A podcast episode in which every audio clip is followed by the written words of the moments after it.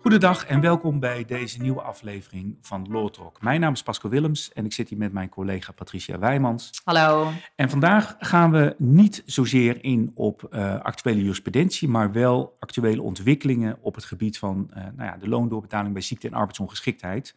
Want in de afgelopen tijd heeft uh, het ministerie van Sociale Zaken en Werkgelegenheid en de minister een aantal ontwikkelingen belicht. Uh, en die willen we graag vandaag met jullie bespreken. En het gaat om de, de Kamerbrief van de minister van 25 november 2022 rondom de loondoorbetaling bij ziekte. En meer specifiek de MKB-verzuim ontzorgverzekering en het advies van de bedrijfsarts dat bij de rifttoets leidend wordt. En daarnaast is er op 7 december jongsleden een vaste Kamercommissievergadering, heel lang woord geweest, waarbij um, de Vaste Kamercommissie voor Sociale Zaken en Werkgelegenheid uh, vier uur, of bijna vier uur, heeft gesproken over alles wat te maken heeft met arbeidsongeschiktheid. En dus ook de problemen met de WIA, het tekort aan verzekeringsartsen.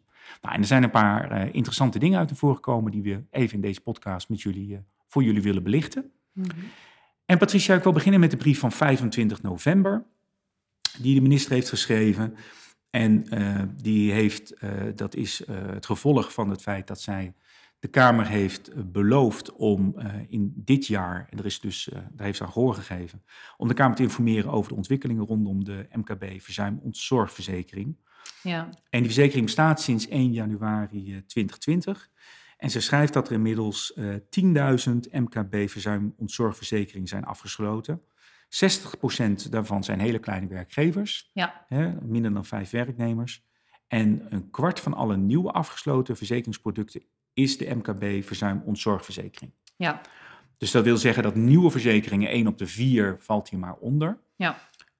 Um, maar wat is die MKB verzuim ontzorgverzekering? Ja, dat is een verzekering die, die, die dus in het leven is geroepen voor kleine werkgevers, om kleine werkgevers uh, ja, tegen een, een, acceptabele premie is de bedoeling uh, zich te laten verzekeren tegen uitval van zieke werknemers. Ja. Uh, want ook voor kleine werkgevers bestaat de verplichting om gedurende 104 weken iemand en loon door te betalen tot, um, ja, afhankelijk van de, de afspraken, 70% of meer. maar ook allerlei reintegratieverplichtingen ja, uit te voeren. Ja. Uh, en daarnaast moet je vaak iemand ook nog vervangen. Ja. Zeker in een klein bedrijf. Als jij met vijf mensen werkt en er valt er eentje uit, ja, dan zul je waarschijnlijk iets moeten doen om die persoon die uitgevallen is ook uh, uh, weer te vervangen. Ja.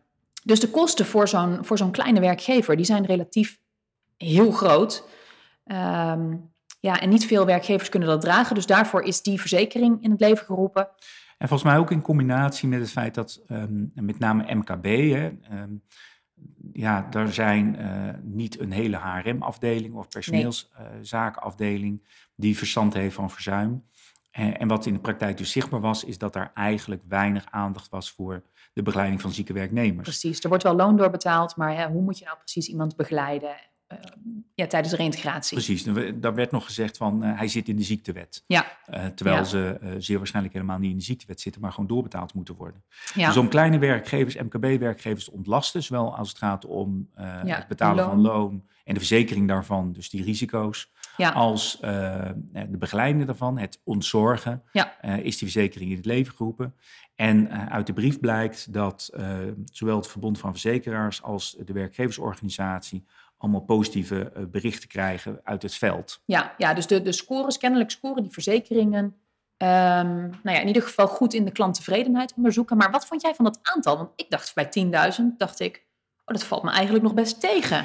Ik vind het ook tegenvallen. En ik vind ook als je dan ziet dat één op de vier verzekeringen die afgesloten wordt. En er wordt niet gezegd dat het per se MKB is, maar daar lijkt het wel op. Dat die naar de verzuim- ontzorgverzekering gaan.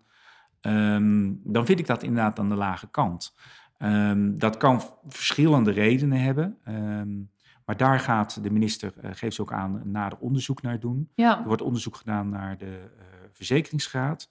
En inzicht geven uh, waar kleine verzekeraars zich tegen verzekeren en hoe zich dat verhoudt tot de verzuim- ontzorgverzekering. Ja. Dus hoewel de minister niet zelf schrijft van nou dat valt me ook tegen, hè, want het is toch wel een beetje succesverhaal wordt ervan gemaakt. Ja.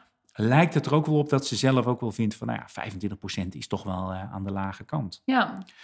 Um, maar dat is een van de dingen die ze dus aankondigt, uh, een onderzoek. Um, nou, zoals het vaak gaat onderzoeken en dat uh, moet komend jaar gebeuren. En daarna komt er weer een rapport van. Dus voordat hier wat mee gebeurt, zijn we al een tijdje verder. Dit is een beetje categorie papa en nat houden. Ja. En dat is toch wel een beetje de rode lijn, vind ik, in deze brief. Ja, dat is ook wel een beetje wat wij voorafgaand aan het opnemen van, uh, van de podcast. Zei ik tegen Pascal, ja, dit soort brieven zit af en toe een beetje in mijn allergie, omdat het zoveel ja, toekomstmuziek is. We gaan eerst een commissie, dan gaan we weer wat uitzoeken. En uh, nou ja, dat frustreert me nog wel eens. Ja, want voor de rest zie je ook in die brief dat bijvoorbeeld heel veel ingezet is al en blijft worden op communicatie rondom loondoorbetaling. Ja. er wordt heel geld gestoken in het werkgevers opwijzen ja, dat ze uh, een verantwoordelijkheid hebben ten aanzien van de loondoorbetaling, maar ook de reïntegratie. Ja, maar ik, kijk, ik, wij, wij, zien natuurlijk, wij hebben natuurlijk onze eigen klanten, maar ik zie bij mijn klanten in ieder geval ook echt dat dat gevoel, dat verantwoordelijkheidsgevoel, dat is er ook gewoon echt wel. Ja, nou in ieder geval die financiële prikkel natuurlijk wel. Als dat ja. verzekerd is, wordt het misschien wat anders. Maar uh, volgens mij is de gedachte hierachter van uh, je moet niet alleen betalen, maar ook reïntegreren. Ja. Dat moet je zeker doen. Uh, want anders uh, ja, krijgen we nog grotere instroom nou. in, de, in de via. Ja, en ook die loonsanctie is natuurlijk ook, uh, hangt ook altijd als een soort van zwaard van Damocles boven, boven het hoofd van de, van de werkgever. Ja. En daar is een werkgever zich ook altijd wel goed bewust van. Ja, een, een ander element wat de minister in deze brief aanstipt, dat is het wetsvoorstel om het advies van de bedrijfsarts, het medisch advies van de bedrijfsarts, leidend te laten zijn ja. bij de RIF-toets. Die ligt al vanaf oktober 2020 op de plank. Ja. Um, ja, die zou eigenlijk al ingevoerd zijn, hè? maar die is toen uh, ja. controversieel verklaard. Ja, in februari ja. 2021 controversieel verklaard. En de minister heeft uh, op 16 november jongstleden aan de Kamer gevraagd toch de behandeling voor te zetten, omdat ze daar wel, uh, nou ja, ze ziet er wel de voordelen bij, die noemt ze dan ook. En dat, ik vond dat wel ja, grappig en opmerkelijk, want ze zegt, nou ja, een, een, deel van de loonsancties houdt verband met het feit dat de bedrijfsarts een andere visie heeft dan de verzekeringsarts. Ja. En UWV dan de loonsanctie oplegt. Ja. Gemiddeld is dat ongeveer 12% van alle loonsancties. Verhoudingsgewijs eh, best beperkt. Tegelijkertijd zijn dit juist de loonsanctie waarbij een werkgever erbij staat te kijken en uh, moet betalen, want ik kan er helemaal ja. niks mee. Ja. Um, maar ze zegt dan, uh, afschaffen van een van deze grondslagen, namelijk die, deze uh, verschil tussen bedrijfsarts en verzekeringsarts, heeft tot gevolg dat werknemers in die situatie dan mogelijk eerder uh, een wie-uitkering in plaats van loon zullen ontvangen. De ontslagbescherming twee jaar blijft in plaats van drie jaar. En het recht op reïntegratie door de werkgever eindigt in twee in plaats van drie jaar. Ja. Ze benoemt dus heel erg de voordelen voor de werkgever daarvan. Ja. Uh, die er ook wel zijn, maar ik denk toch dat het echte verhaal wat erachter zit, is dat het ook behoorlijk wat inzet van verzekeringsartsen scheelt. Zo, dat denk ik ook, ja. Um, want die hoeven in ieder geval die rifttoets uh, niet meer te controleren. Ja. Um, en dat, uh, ondanks dat het aan die kant de via-uitkeringslasten met 60 uh, miljoen per jaar zullen stijgen. Ja. Dat is gewoon omgerekend wat van die 12% loonsancties, wat dan een jaar doorbetalen kost, is aan de andere kant de, de waarde van wat ze daarmee besparen Zowel aan inzet van verzekeringsartsen, maar ook welke dossiers ze dan wel op kunnen pakken en daarop kunnen bezuinigen, is denk ik veel groter. Ja. Ze geeft erbij overigens aan dat het op zijn vroegst uitvoerbaar is bij 1 juli 2023. Ja. En dan moet het wetsvoorstel natuurlijk ook nog tijdig behandeld worden en zo. Dus, ja, het ehm, zal nog wel even duren. Maar wat mij betreft, um, ja, ik juich deze ontwikkeling wel echt alleen maar toe. Ik hoop echt dat dit snel um, ja, snel zal, zal ingevoerd gaat worden. Want ik zie dat het in de praktijk gewoon heel lastig is. Het is heel moeilijk uitleggen aan een werkgever uh, dat je niks mag weten van de, de medische problematiek van de werknemer. Dat, dat, daar hebben werkgevers ook geen probleem mee. Dat is prima. Uh, je moet ervan uit kunnen gaan dat een bedrijfsarts daar een goede beoordeling in geeft. Uh, en dat je dan wordt afgerekend op het oordeel van een bedrijfsarts. Dat is voor een werkgever heel lastig uit te leggen. maar ik zie ook gewoon dat bedrijfsartsen toch op een iets andere manier toch zo'n uh, reïntegratiedossier benaderen ja. dan een verzekeringsarts. Ja. Een verzekeringsarts kijkt natuurlijk toch gewoon echt achteraf naar het hele traject. En die, die bekijkt dan, ja, had je ergens een andere afslag kunnen nemen, waardoor je tot een beter re reïntegratieresultaat zou zijn gekomen. Uh, terwijl een bedrijfsarts, ja, die kijkt op, op het moment dat het zich voordoet, die moet een advies geven. Terwijl er vaak nog onderzoeken lopen, behandelingen lopen. Dat is toch een andere manier van, van beoordelen. Ja, en dat is op zich wel een mooi bruggetje naar andere dingen die ze aankondigt en al heeft ingezet. Namelijk dat is uh, om wat meer uh, ja, harmonie te krijgen in de beoordelingen ja. tussen bedrijfsartsen en verzekeringsartsen. Er wordt ook geld gestoken in het bevorderen van nou ja, zeg maar multidisciplinaire richtlijnen en beoordelingskaders. Ja. het inzet van het BAR-instrument, de beschrijving arbeidsbelasting en reïntegratiemogelijkheden, als alternatief voor de FML of het inzetbaarheidsprofiel worden genoemd. Dus om te zorgen dat die twee ehm, ja, lijnen een beetje in elkaar geschoven ja, worden. dat het wat meer op elkaar afgestemd ja, wordt. Want ik vergelijk het altijd wel dat als de bedrijfsarts een voetbalcoach is die een heel of twee jaar lang een team coacht, dan dat daarna een hockeycoach uh, de beoordeling doet hoe de voetbalcoach het heeft gedaan. En uh, ondanks dat ze allebei uh, verstand hebben van een, een spelletje met twee keer elf spelers op een groen veld met, een, doel en een bal, ja. is het spelletje toch echt wel uh, anders. Ja. Tegelijkertijd waar, waar ik wel benieuwd naar ben hoe het in de praktijk gaat uitwerken, of als straks de behandeling is van het wetsvoorstel, is dat die RIF-toets, nou ja, daar, daar is de bedrijfsarts beoordeel uh, leidend. Stel dat hij zegt geen benutbare mogelijkheden, dus geen reintegratie ingezet, dan kan je op basis daarvan geen loonsanctie krijgen. Nee. Uh, maar de verzekeringsarts kan bij de via-beoordeling wel zeggen dat iemand wel nog heel veel kan en een min 35 wordt. Ja. Dus dan ben je heel lang arbeidsongeschikt geweest, volledig. Dan denk je, ja, die bedrijfsarts die heeft mij begrepen. En de verzekeringsarts zegt min 35, ga maar de WW in. En hoewel dit uh, nog geen wetgeving is, hebben wij zo'n soortgelijke zaak nu lopen. En dat kwam gewoon omdat het UWV een fout heeft gemaakt bij uh, het niet opleggen van de loonsanctie. Ja. Um, en dan krijg je de gekke situatie dat de bedrijfsarts zegt geen benutbare mogelijkheden. Ja. In dit geval vond het UWV het dan niet, maar heeft geen loonsanctie kunnen opleggen. Maar komt bij de via-beoordeling wel op een min 35 uit. En zijn we nu inmiddels al twee jaar aan het procederen. En inmiddels twee of drie procedures verder. Um, en ik hoop dat ze die on onredelijkheid er ook uit uh, kunnen halen. Ja. Uh, verder bevat de brief wat mij betreft niet zo heel veel spannende dingen, behalve allerlei projecten die ze aan het starten zijn en aan het proberen zijn. Maar ja. Dat is uh, meer in de kader van informatie delen en, en mensen proberen een beetje op te leiden.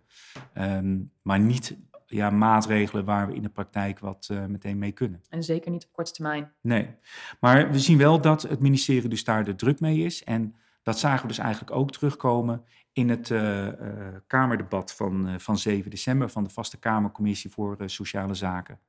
Pascal, jij hebt dat Kamerdebat bekeken. wat viel jou daarin op? Ja, dat klopt. Uh, dat Kamerdebat van 7 december, jongsleden, duurde vier uur. Van de vaste Kamercommissie, uh, waarbij de minister eigenlijk uitleg kwam geven over, uh, over de brief waar we het net over gehad hebben. Um, nou ja, de, de, het begint dat soort Kamerdebatten altijd met een, een, ja, een soort algemene beschouwing over de via en arbeidsongeschiktheid. Eerlijk gezegd ja, vind ik dat allemaal niet zo interessant, want het is meer, meer van hetzelfde. Maar wat wel interessant was, dat de minister ging in op zeg maar, de punten ook uit eh, de brief. Hè, de korte termijn hardheden die er zijn, de, de problemen die er zijn. Uh, de korte termijn problemen en de oplossingen voor sociaal-medische beoordeling. En dan middellange termijn en lange termijn. Ja, en dan gaat het dus met name om het tekort aan verzekeringsartsen, waar ze nu enorm mee in hun maag zitten. Ja, dat, dat noemden ze als tweede blokje. Uh, de korte termijn problemen en oplossingen ten aanzien van sociaal-medisch beoordelen. En uh, is wel, wel interessant, uh, want uh, ze vertelde onder andere dat voor het einde van dit jaar er 90 nieuwe bedrijfsartsen zijn bij het UWV. Die worden op dit moment opgeleid. Ze vertelde ook dat er gemiddeld 50, uh, sorry, ik zei bedrijfsartsen, ik bedoel natuurlijk verzekeringsartsen. Ja. normaal 50 verzekeringsartsen per jaar bij het UWV in dienst worden genomen. Dus dat zijn er een klein beetje meer.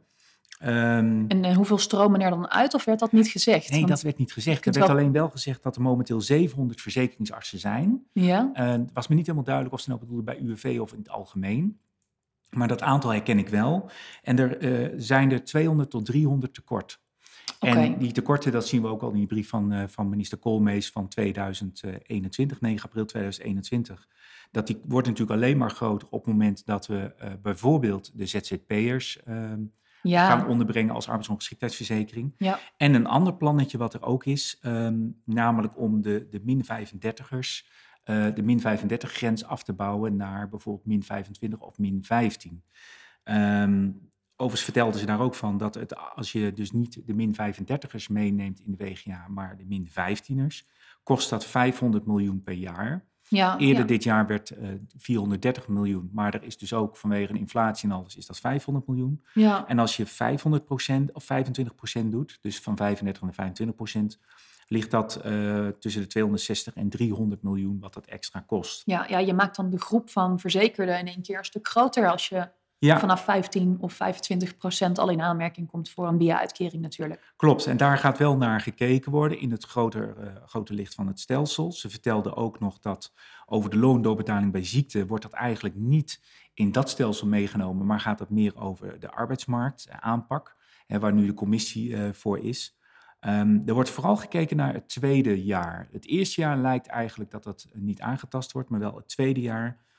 Eh, en er wordt ook gekeken, ja, wat is dan de impact op de artsencapaciteit die dat eh, met zich meebrengt. Ja, En ze vertelde dat eh, in januari of begin februari komt er weer een Kamerbrief met meer informatie erover.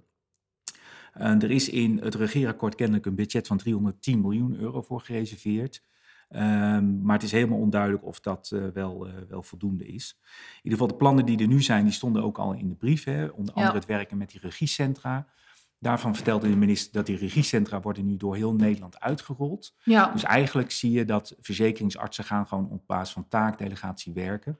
ja, En wat me opviel is dat er totaal geen aandacht is en waarschijnlijk ook geen kennis over de vraag of die verzekeringsartsen überhaupt wel ja, competent zijn tot taakdelegatie. Dat is iets wat me al langer opvalt en ook wel een beetje stoort. Eh, dat geldt ook voor de arbeidsdienstverlening.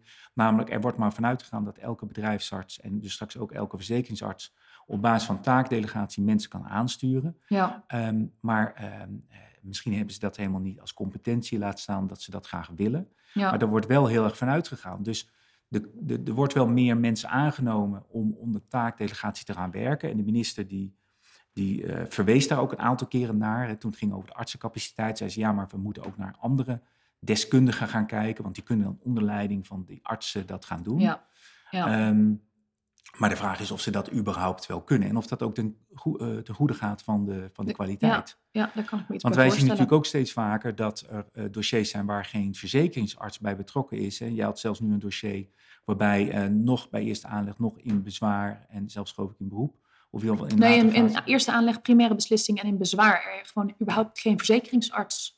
eh, ja, ja, alleen maar op basis van dossierstudie, maar iemand niet gezien is. Ja, Dus ja, en dat, ja, je- de dossierstudie op zich maakt het nog niet onzorgvuldig. Maar je wil natuurlijk wel hebben dat er een verzekeringsarts bij betrokken is. ja, Ehm, eh, want uiteindelijk gaat het wel om de kwaliteit van die eh, beoordeling.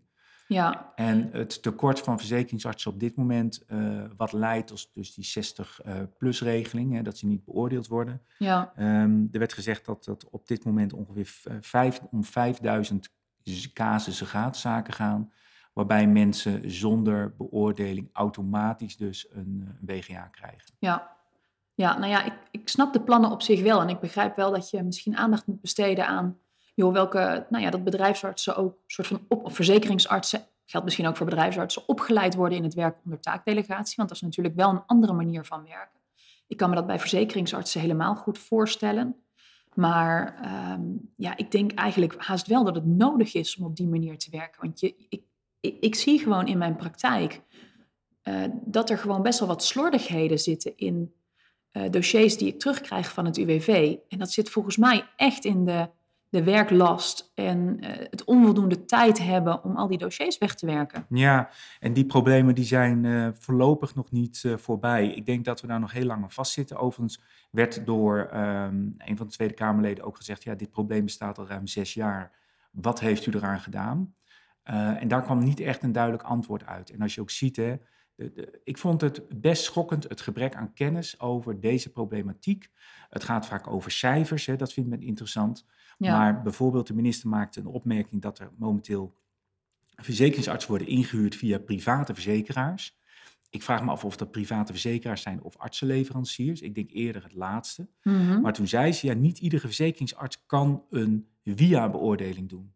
En toen dacht ik van, oké, ehm, maar juist verzekeringsartsen zijn opgeleid tot beoordelingen. En dan is het kader van, als het gaat om private verzekeraars, misschien ietsje anders. Maar per definitie zijn verzekeringsartsen daar juist voor opgeleid. ja, Dus er lijkt ook een beperkte kennis te zijn ehm, als het om de echte problematiek gaat en de oplossingen.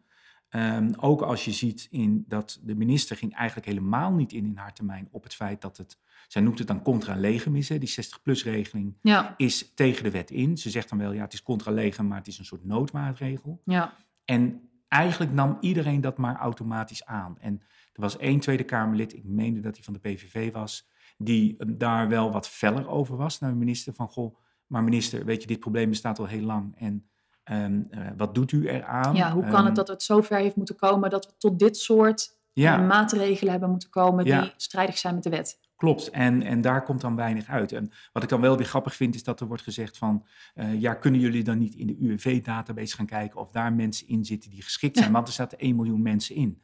En het gemak wat ermee eigenlijk wordt gezegd van... vind daar maar eens een verzekeringsarts tussen... Ja, of een basisarts die je kan opleiden. ja, Ja, dat vond ik wel, wel schokkend. Ook dat de minister zei van ja, maar dat doen we wel. Want in het noorden van het land, ik geloof dat Leeuwarden dat ze noemden voor de stapbudget, hebben we daar wel mensen voor geworven. Daar, dus we doen het wel.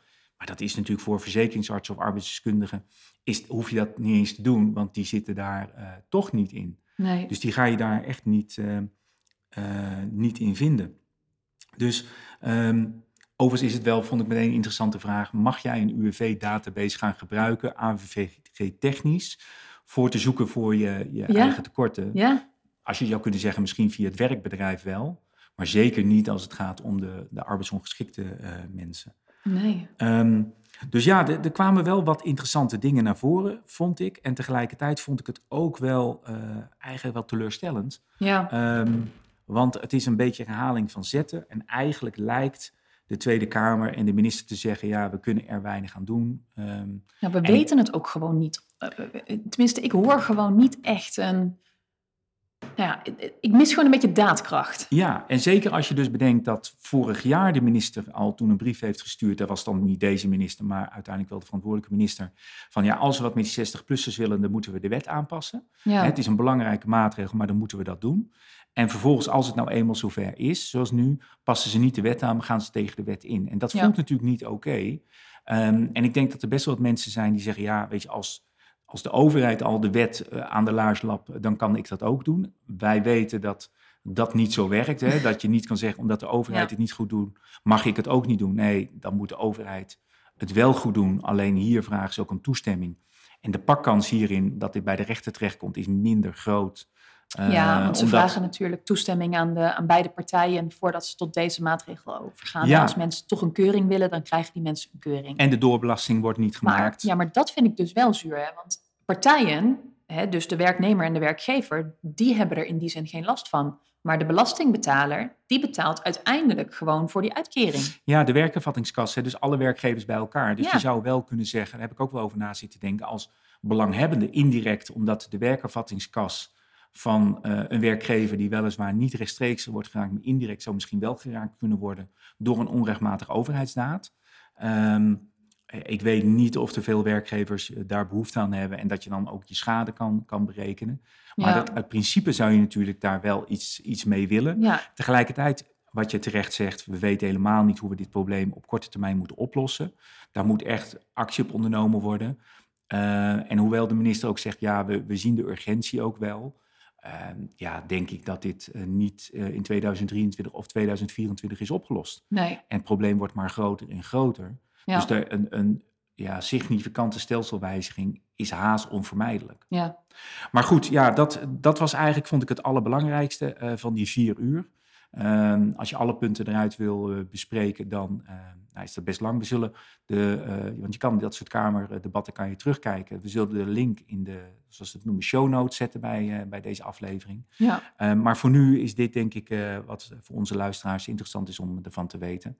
En als in januari, februari daar een nieuwe terugkoppeling over komt, dan gaan we er zeker aandacht aan besteden. Ja, ja, ja, het blijft gewoon een, ja, een onderwerp waar in ieder geval mensen die veel te maken hebben met ziekte en reïntegratie eh, toch vaak mee te maken krijgen. Ja, zeker die regiecentra, dat is nu denk ik voor de praktijk heel actueel. En dat je dus weet dat daar ja, verzekeringsarts onder taakdelegatie eh, mensen laten werken. En, eh, en dat betekent niet per definitie dat de kwaliteit minder is, maar let daar vooral goed op. En ook voor eventueel bezwaar in beroep.